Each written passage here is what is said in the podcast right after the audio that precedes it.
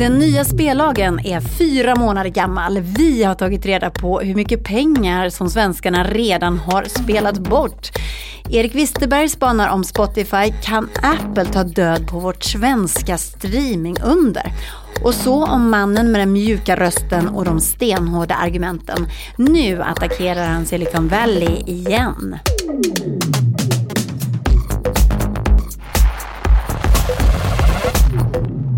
Välkomna till nästan 30 minuters poddradio från Breakits redaktion. Jag heter Katarina Andersson och i den här podden spanar vi om det nya näringslivet och så lyfter vi det som vi tycker är mest spännande just nu. Som vanligt så ska jag dra några korta nyheter allra först. Förra våren poppade de upp som svampar ur marken. Bolagen som skulle utmana storbankerna om bolånekunderna och pressa räntorna. Sedan dess har det blivit allt tystare. Fram tills på valborgsmässoafton då ett av bolagen, Alma Bolån, kastade in handduken. Alma har fått in intresseanmälningar på en miljard från intresserade bolånekunder men kunde inte säkra finansieringen och nu gav man alltså upp. Marcus Persson, mer känd som Notch och en av skaparna av supersuccén Minecraft, är inte välkommen när spelsuccén firar 10 år. Bakgrunden är uttalanden som Notch har gjort i sociala medier. Det är Microsoft och Mojang själva som portar Notch. De tycker inte att han står för bra värderingar. Notch har gett uttryck för transfobiska åsikter på Twitter, spritt kommentarer om heterosexuell stolthet och skrivit att det är okej att vara vit. Som ni säkert vet vid det här laget så har Breakit utmanat näringslivet till att bli mer klimatsmart. I Breakit Impact Challenge så har vi skapat en digital bootcamp kan man säga, som ska hjälpa bolagen att bli klimatneutrala. Över 300 bolag har antagit utmaningen hittills och fler tickar in hela tiden. Och på torsdag eftermiddagen här så small det till rejält. Ett av Sveriges största succébolag, fintechjätten Klarna med över 2000 anställda, gick med i Break It Impact Challenge. Game On Klarna. Ett annat bolag som är med på banan är nätapoteket Apotea. Ja, tjena! Vi ringde upp vdn och grundaren Per Svärdson som har ambitionen att göra bolaget till det mest hållbara i hela Sverige. Och han tar draghjälp av Breakit Impact Challenge alltså. Och han säger att han tycker att det är väldigt, väldigt roligt att tävla. Det är klart att klimatet är ju väldigt mycket viktigare än att man tävlar. Men jag tycker att det är en bra form och att flera kan sporra varandra. Jag menar det är så här ensam eh, är man inte så stark i det där. Utan det är klart att om man kan skapa eh, någon form av lite rörelse eller, eller att man drar ihop flera företag som tillsammans sätter press på, på andra företag och sätter press på politiker och liksom sådär. Då kan man göra någonting bra av det. Och därför är det en väldigt bra form tycker jag. Men sen är det roligt med tävlingar. Hallå hallå, det här är Stefan Lundell på Breakit och jag har fått den härliga äran att presentera Mini som är ny sponsor av vår podd. När jag gjorde lite research på Mini fick jag reda på att den allra första minibilen rullade ut på vägarna redan 1959 och då var den faktiskt revolutionerande bensinslår i det läget.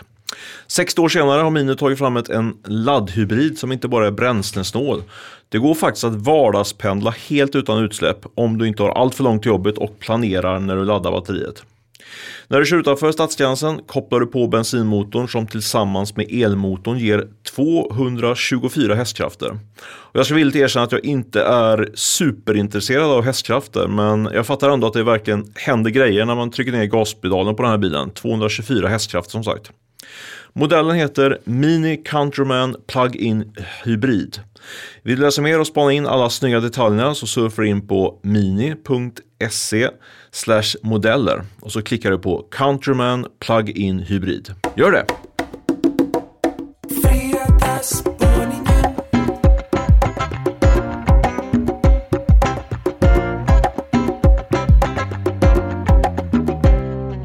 Nu har det gått några månader sedan Sverige fick en ny spellag och mycket har hänt. Spelreklamen är under hård attack från riksdagen och flera spelbolag har det tufft på den nya marknaden.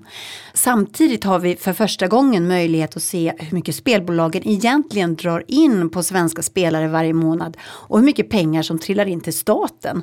Tobias Blixt, hej på dig! Hallå, hallå. Du har ju grottat ner dig eh, i siffror från Skatteverket. Vad har du hittat för smaskigt? En hel del faktiskt. Eh, jag har kollat in här 68 bolag eh, och hur mycket skatt som de har betalat in. Och då handlar det också om alla spelbolag som har fått licens för online betting och nätkasino. Så hur mycket har svenskarna spelat för då? Då har vi kollat här under de första tre månaderna, då, första kvartalet här och då har svenskarna spelat bort kan man säga 3,5 miljarder kronor på online-spel och betting. Eh, och lägger vi till då statens övriga verksamhet och Cherrys kasinon så handlar det istället om 5,16 miljarder ungefär. Över 5 miljarder alltså. Eh, och det här är alltså vad som blir över när, när man drar bort de utbetalda vinsterna då. Eh, och det låter ju som att det går rätt bra för spelbolagen måste jag säga. Det är några få stora spelbolag som drar in väldigt mycket pengar här i behållning, eh, framförallt de första månaderna. Eh, Svenska Spels bolag, eh, ATG, det är ju bolag som man inte förvånas över kanske. Men så är det några stora utländska aktörer också.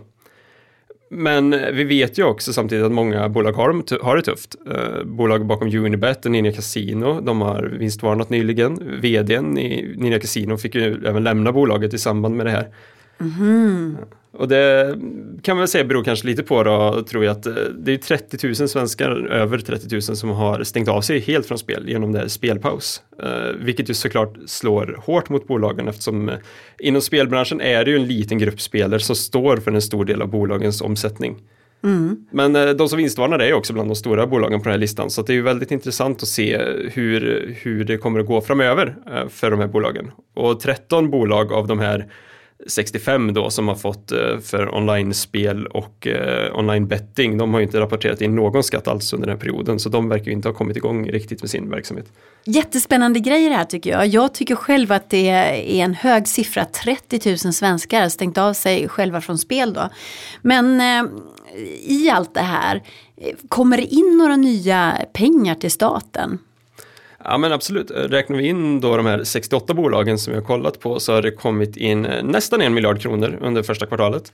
Eh, men om vi istället kollar på de utländska spelbolagen, alltså om vi räknar bort Svenska Spel och ATG, och även då Casino Cosmopol, liksom deras verksamhet, då har staten fått in eh, cirka 330 miljoner eh, kronor på tre månader. Mm, och vad betyder det? Är det mycket eller lite pengar för staten? Mm, när den här utredningen gjordes om den nya spelmarknaden, då gjorde man en uppskattning om att de här utländska spelbolagen som då inte betalar någon skatt i Sverige skulle bidra med ungefär 670 miljoner om året eh, till staten.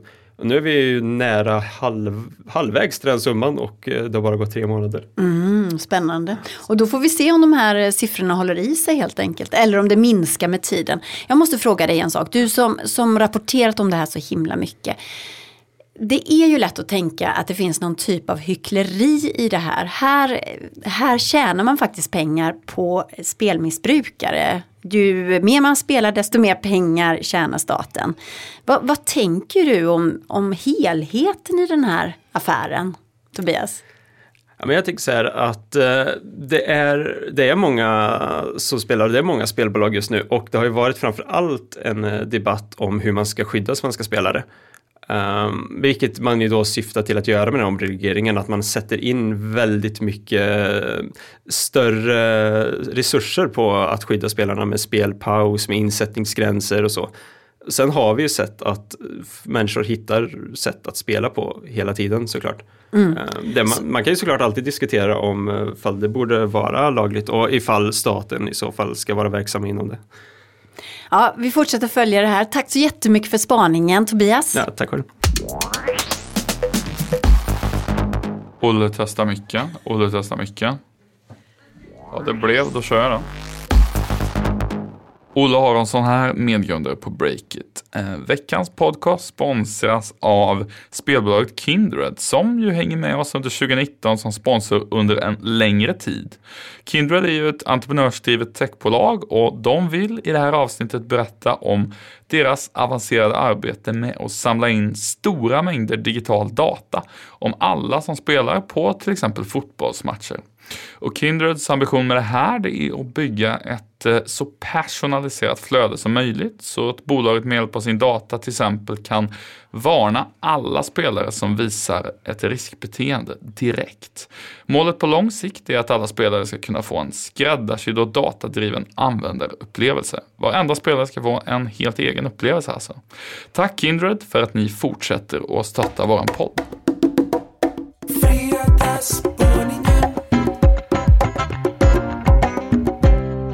Spotify har nått den magiska milstolpen. Daniel Ek streamingjätte har nu 100 miljoner betalande användare.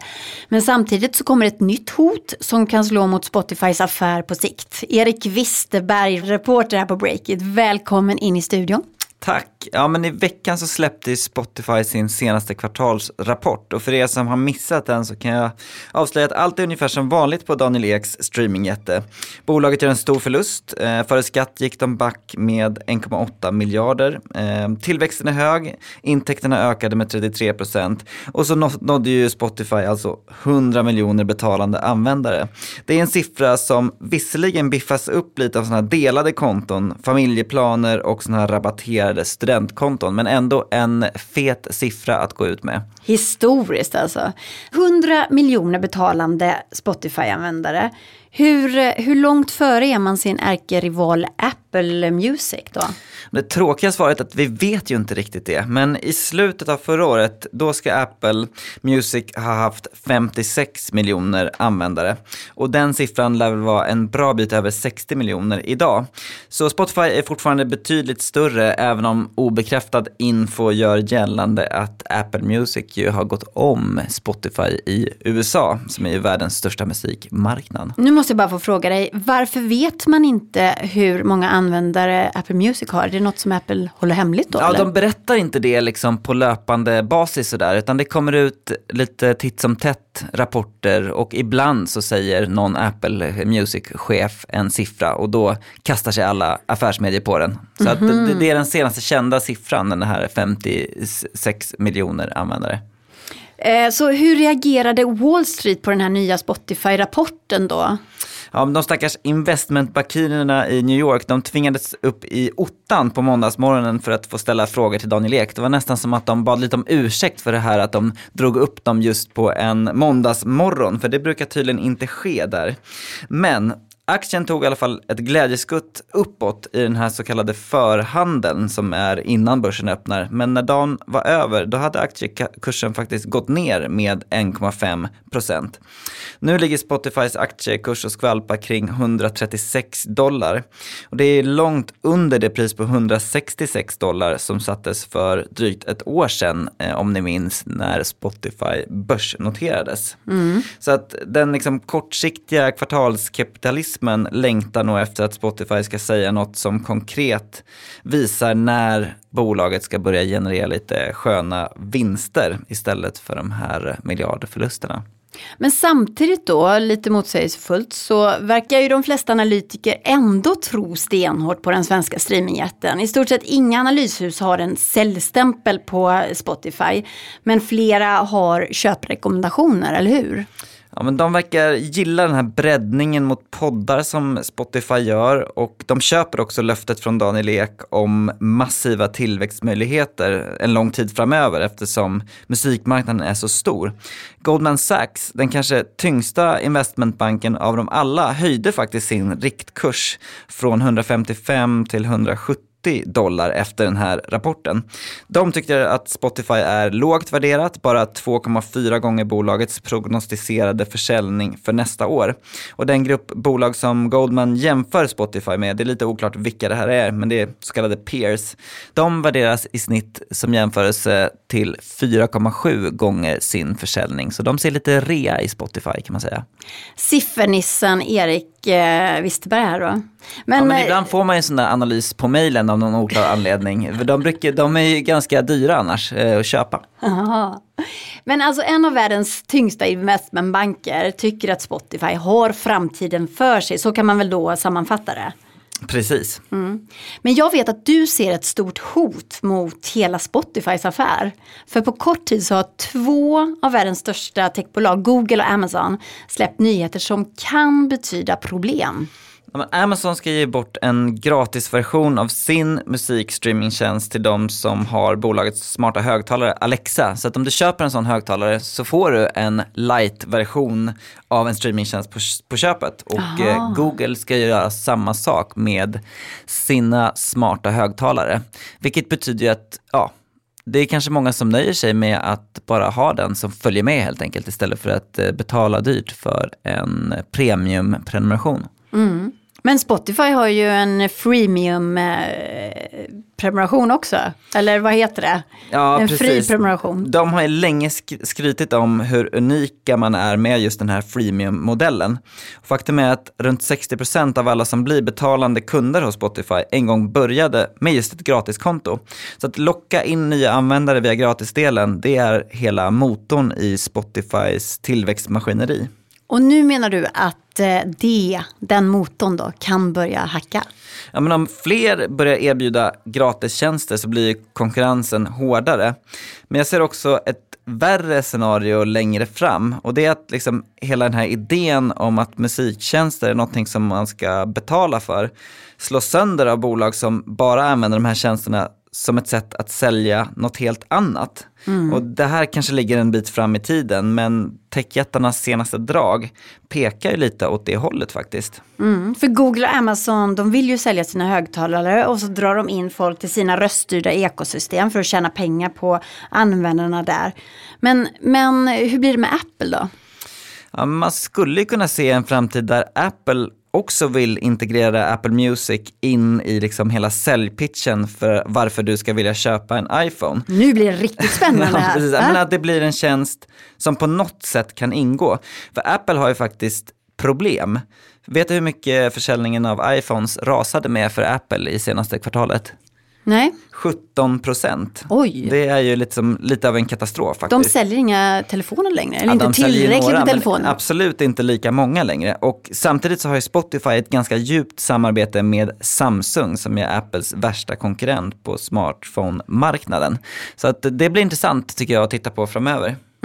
Och det här är spännande, jättespännande spaning Erik. Det kan då bli en mardröm för Spotify om Apple skulle låta sina kunder streama gratis. Men, men helt ärligt, hur realistiskt är det? Eller försöker du bara skrämma upp oss? Ja, men det är ju en, en eh, bra invändning. Man kan titta på att det som talar emot är kostnaden för musikrättigheter. Det är ganska dyrt. Så frågan är om ens Apple har råd att göra en så jäkla dyr marknadsföringsgrej. Och skivbolagen har inte historiskt sett varit så peppade på att ge licenser för gratistjänsterna. Men det intressanta just nu det är att man ser liksom de första fröna sås till en framtid där musiktjänster används för att sälja något helt annat. Och Amazon har faktiskt redan gjort det i ganska stor skala med sitt eh, medlemserbjudande Prime. Eh, där får man faktiskt redan en streamingtjänst på köpet. Ja, och har Daniel Ek själv snappat upp det du snackar om här? Hur, hur eh, ser han på den här nya gratiskonkurrensen? Men jag lyssnade in på det här investerarsamtalet som Daniel Ek höll tillsammans med alla liksom, investmentbanker på måndag morgonen. Då får man alltså sitta i telefon och bara lyssna på honom som pratar. Precis, då lyssnar man på de smartaste analytikerna som liksom bombar på med frågor till Daniel Ek då. Och det, den första frågan, den handlade faktiskt precis om vad som förändras för Spotify om stora plattformsägare inom sådana här röststyrda högtalare som Google och Amazon börjar rulla ut annonsfinansierade gratistjänster. Och Daniel Ek valde att typ ducka för den frågan och istället så började han snacka om att Spotify ska finnas på alla plattformar, vilket inte riktigt var svar på frågan. Och han fick en liknande fråga senare under samtalet och det var just om att konkurrensen tycks öka kraftigt. Eh, då svarade han att Spotify alltid har haft tuff konkurrens och att marknaden för musikstreaming är så stor eftersom miljarder människor ännu inte använder någon tjänst alls så är liksom potentialen för tillväxt stark. Så han viftade bort det här och sa att eh, konkurrens är ingen stor faktor för oss. Och att det bara handlar om tillväxt. Vad tycker du då? Nej men han säljer ju den storyn väldigt väl. Samtidigt så är det så här bondförnuft att ju tuffare konkurrensen blir, desto svårare för Spotify är det att växa. Och eh, det är väl i det ljuset som jag ser på den här möjligheten att liksom, värdet på en musiktjänst kan devalveras som det största långsiktiga hotet mot Spotifys affär. Hejsan, Stefan Lundell här på Breakit som denna vecka är väldigt glad och eh, säga att vi har Jetshop med oss som sponsor. Jetshop är ju en molnbaserad e-handelsplattform och ett företag som vi dessutom på Breakit har jobbat rätt länge med. Så det känns såklart extra kul att ha med dem som sponsor. Den 16 och 17 maj kör Jetshop sitt årliga e-handelsevent SEBC i Göteborg. Jag var där förra året, eh, det var ett väldigt bra event och är såklart på plats även i år. Bland annat sitter jag med i en panel där. Men jag är inte precis ensam att åka till SEBC i Göteborg. Nästan 800 retailers, e-handlare, startups, techföretag och investerare kommer att vara på plats där. Och kanske du som lyssnar hoppas jag. Är du kund till Jetshop är det dessutom gratis. Så gå in och säkra din biljett på jetshop.se sebc. Alltså jetshop.se sebc. Vi ses där och tack Jetshop för att ni sponsrar vår podd.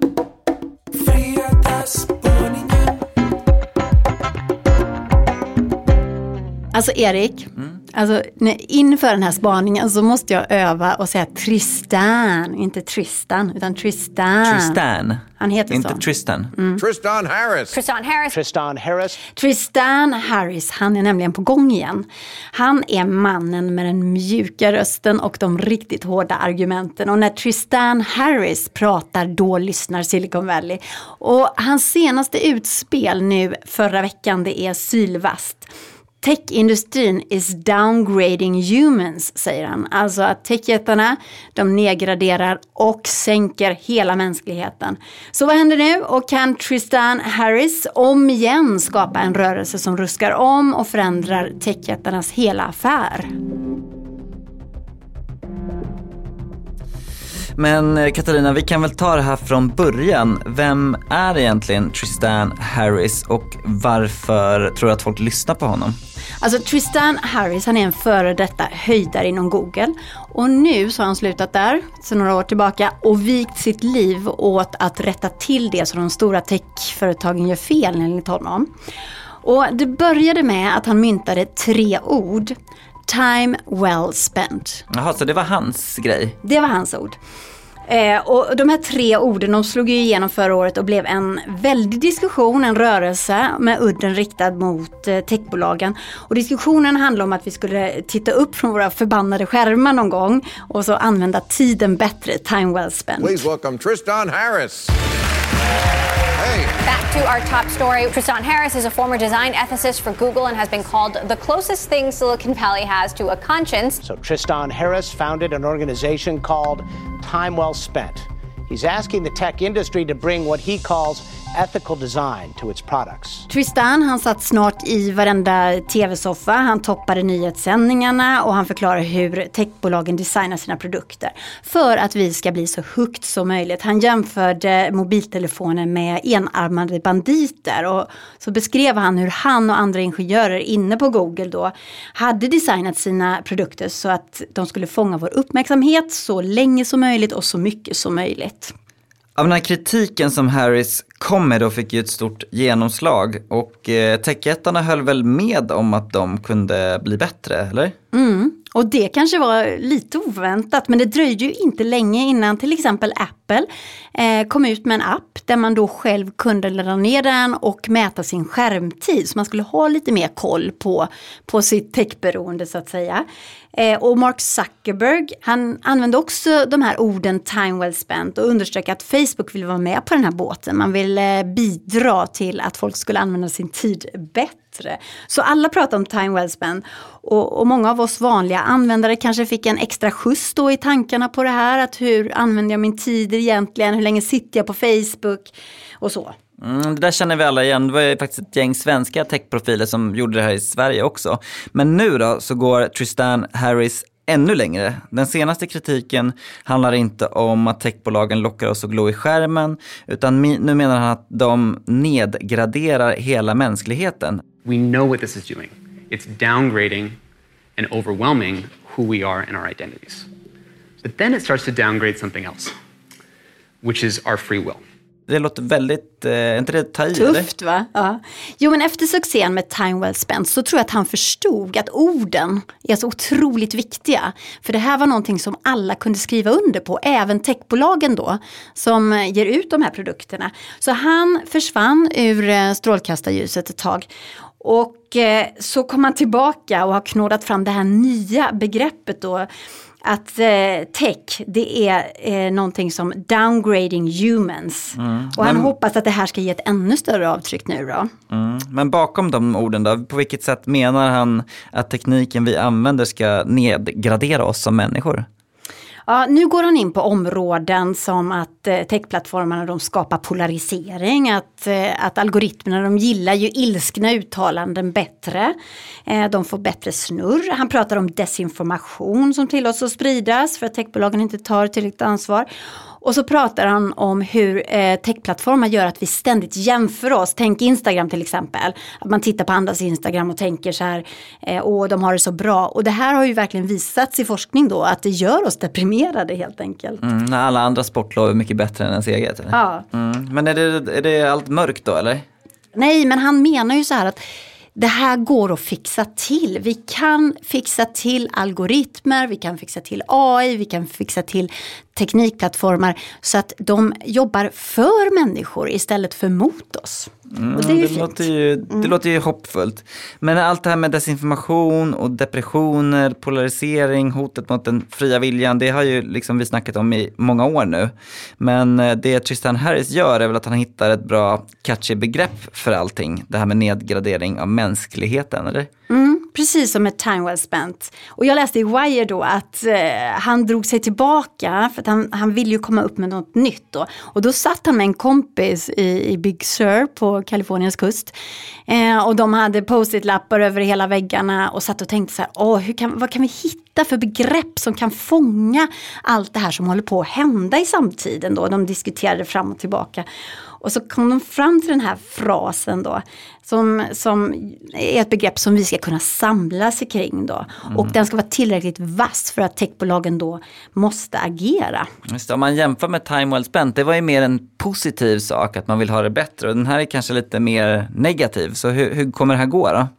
Ja, det får vi se. Alltså, i, I veckan så höll ju Facebook eh, sin stora utvecklarkonferens F8. Eh, och där kom det en ganska spännande nyhet som går i stil med det här. För Facebook sa att man hade på försök nu i Kanada så testar man att ta bort gilla-markeringarna på Instagram. Mm. Du kan ju se dem om du går in och liksom gör lite extra klick och sådär. Men man testar att ta bort gilla-markeringarna för att se om folk kanske nu kommer fokusera mer på innehållet och inte så jäkla mycket på sina likes. Förstår du? Mm, det, det låter jag. ju härligt. Men under sin presentation då i San Francisco förra veckan så samlade han ju 300 personer ur tech-eliten. Och de lyssnade för Tristan Harris han har cred. Han har varit en höjdare som jobbar med etik inom Google. Han kan branschen. Så det går inte att vifta bort honom. Och han är ju en mästare med ord. Och han pratar med väldigt mjuk röst. Men vad tror du? Kommer techbolagen agera på det här? För det är, det är mer en attack än tidigare, eller hur? Jag tror att de är väldigt känsliga för imagefrågor just nu och jag tror att de framför allt faktiskt lyssnar väldigt mycket på sina egna användare och hur saker landar hos dem. Breakits podcast är slut för den här gången. Tack så väldigt mycket för att du har lyssnat och lyssna igen nästa vecka. Prenumerera på oss i en poddapp och rejta oss gärna. Skriv ett glatt omdöme, då blir vi väldigt glada. Jon Wahlqvist är redaktör för den här podden. Fredrik Nilsson är tekniker. Olle Aronsson ansvarig utgivare och själv heter jag Katarina Andersson. Hej då!